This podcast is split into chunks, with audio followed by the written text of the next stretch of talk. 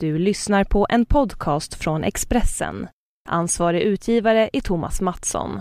Fler poddar hittar du på expressen.se podcast och på iTunes.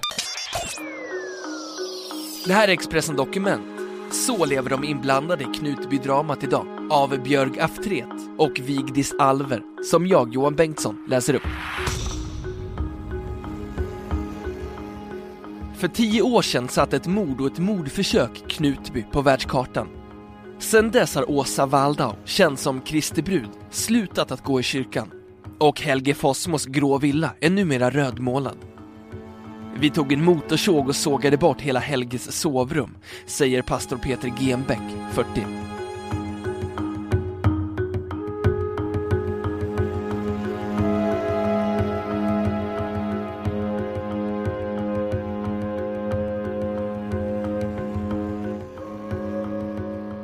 Klockan har passerat 19 och från scenen i Knutby församlingens lokal strömmar både ljusa och mörka röster.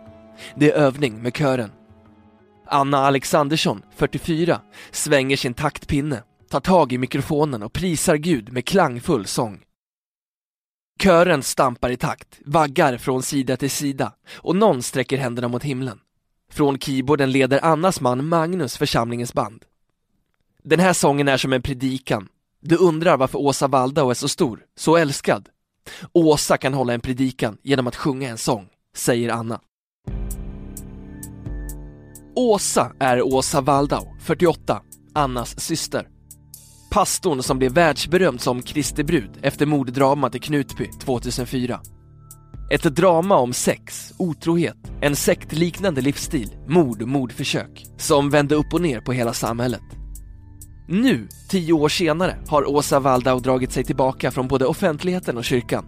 Men hennes närvaro är fortfarande påtaglig i församlingslokalen Åsas konst hänger på väggarna. En hylla i hallen är tapetserad med fotografier föreställande henne.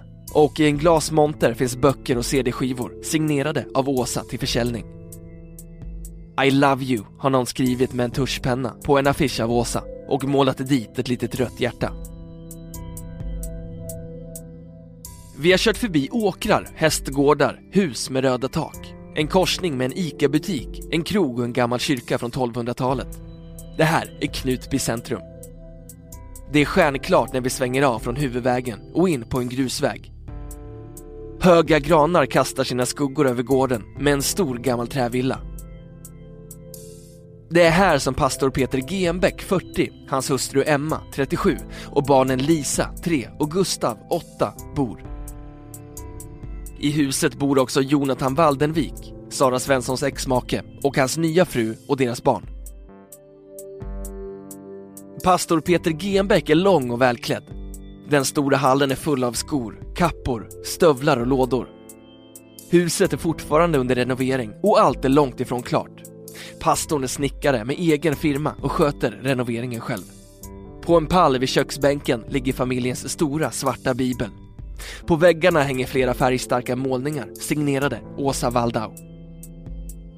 Medan Emma förbereder dagens sena middag sitter Peter vid köksbordet och berättar om när han träffade Åsa Waldau för första gången som 19-åring på en skidsemester i Norge. Han hade vuxit upp i en liten frikyrka i Falköping. När han hörde den åtta år äldre Åsa prata om Gud föll allt på plats. Peter beskriver det som att skygglapparna föll bort. Att mötet med Åsa påverkade hans syn på hur Gud är. Han säger att det var Gud som förde honom till Knutby fem år senare, i februari 1997. När han kom till Knutby träffade han andra unga människor som liksom honom sökte efter en tro som inte begränsade sig till att gå i kyrkan på söndagar utan som omfattade hela veckan. En livsstil som gick ut på medkänsla med andra och hela bibelns budskap. Det fanns en vibe här, en glädje och en kärlek. Allt det som Gud innebär för mig, säger Peter Genbeck. Många som kom hit hade en livskris och vi såg hur de förändrades. De började leva och skratta igen, säger han. Samma år flyttade också Helge Fossmo, hans fru Helen och deras barn till Knutby. Peter kände honom sedan tidigare. Helge hade varit hans bibellärare och ungdomspastor.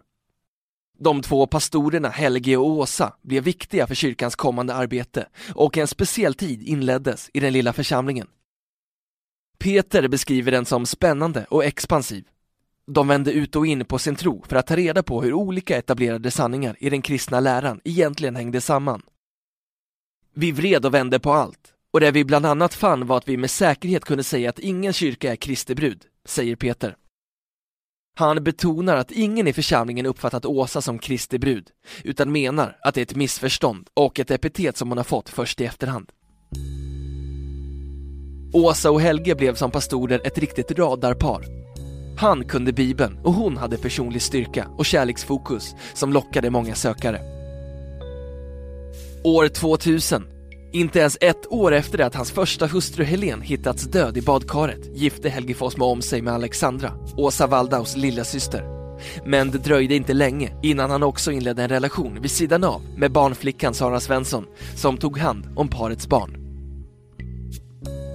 Sommaren och hösten 2001 kämpade Helge Fossmo med religiösa grubblerier och Sara flyttade in i paret Fossmos sovrum för att ta hand om honom.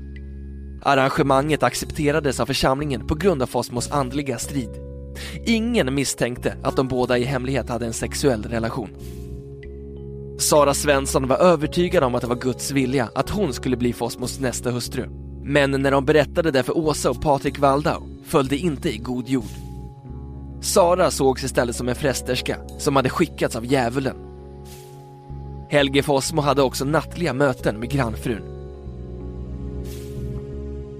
Den 9 januari 2004 hade paret Genbeck middagsbjudning. Helge Fossmo och några andra från församlingen var gäster. Det var en trevlig kväll där Fossmo till allas förvåning drack mindre än vanligt och bröt upp tidigt. På morgonen den 10 januari 2004, när paret Genbeck vaknade till ett landskap täckt av snö, började mardrömmen. I veckor cirkulerade en helikopter över den lilla byn. Journalister från hela världen invaderade samhället. Det fanns kameror och mikrofoner överallt. Den första månaden var hysterisk. Allt kretsade kring frågan, vad händer? Vi skulle hantera ett mord, ett mordförsök, våra egna känslor och alla frågor som kom till oss från andra församlingar, säger Peter Genbeck. Kyrkan i Knutby har lagt oräkneliga timmar på att prata om vad som hände och försöka förstå. De har gråtit och lidit. Nu tänker jag, varför upptäckte vi ingenting? Varför sa vi inte ifrån? Samtidigt så hände det så mycket vid den tiden. Det var så mycket fokus på Helge. Jag tror faktiskt inte att jag hade lyckats avslöja liknande saker idag heller, med all den kunskap jag har idag, säger Peter Genbeck. En stor förlust för församlingen är att Åsa Waldau har dragit sig tillbaka. Hon kommer inte längre på gudstjänsterna och är aldrig i församlingshemmet. Vår kyrka är inte uppbyggd kring tron på Åsa, utan kring tron på Gud. Men det är klart att det är en stor skillnad för oss nu när hon inte är med. Husen ligger på rad ut med den smala byvägen i Gränsta. Fossmos hus är numera rött istället för grått. Men i övrigt ser det likadant ut utvändigt som det gjorde för tio år sedan.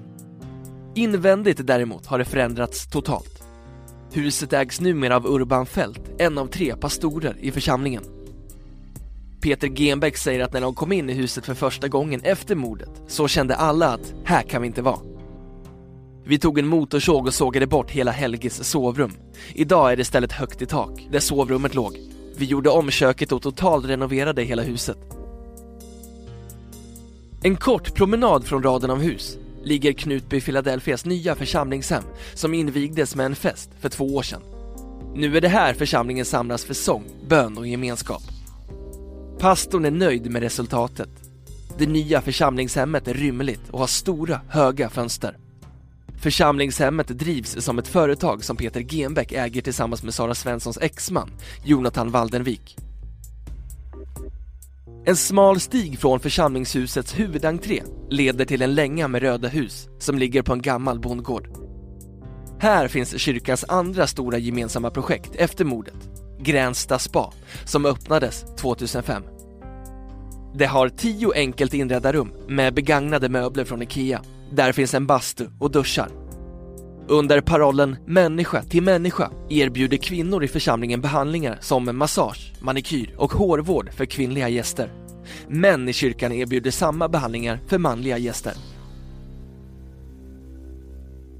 En av dem som förlorat jobbet till följd av mordet är musikläraren Anna Alexandersson, Åsa Waldaus lilla syster och Alexandras stora syster.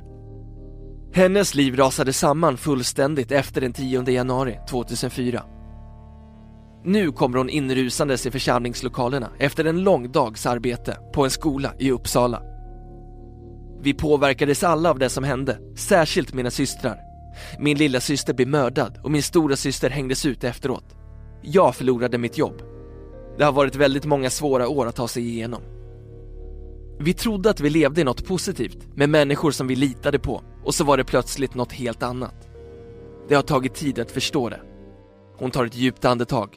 Saknaden efter hennes lilla syster är fortfarande stor. Alexandra finns där varje dag, i tankarna. Smärtan finns alltid där. Saknaden är lika smärtsam. Men jag vet att jag kommer träffa henne igen. Jag ser ljust på framtiden. Vi har nått botten och nu kan det bara bli bättre. Trots att hon har haft och fortfarande har det tufft lyfter hon fram Åsas situation. Åsa har fortfarande inte ett normalt liv. Hon kan inte handla i butiken här i Knutby. Om hon går ut på en gata var som helst i Sverige så känner folk igen henne. Så vi reser mycket utomlands och där har vi det bra tillsammans, säger Anna Alexandersson. För tre år sedan gick hon till en psykolog. Han gav Anna två alternativ. Hon kunde gå upp varje dag, klä på sig och gå in i en ny dag, eller så kunde hon ligga still i sängen. Hon valde det förra. Jag har familj och barn och ett ansvar att leva. Jag bär på en tung börda, men har valt att fortsätta även om det har varit många tårar. Vi i församlingen var tvungna att granska oss själva. Vad var fel? Vi gick igenom det tillsammans.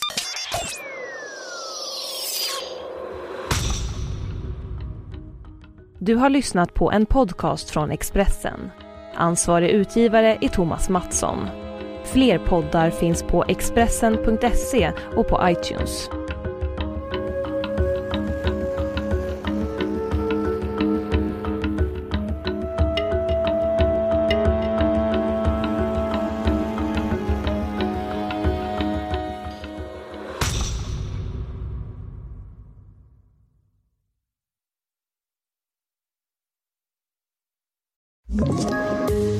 Poddtips från Podplay.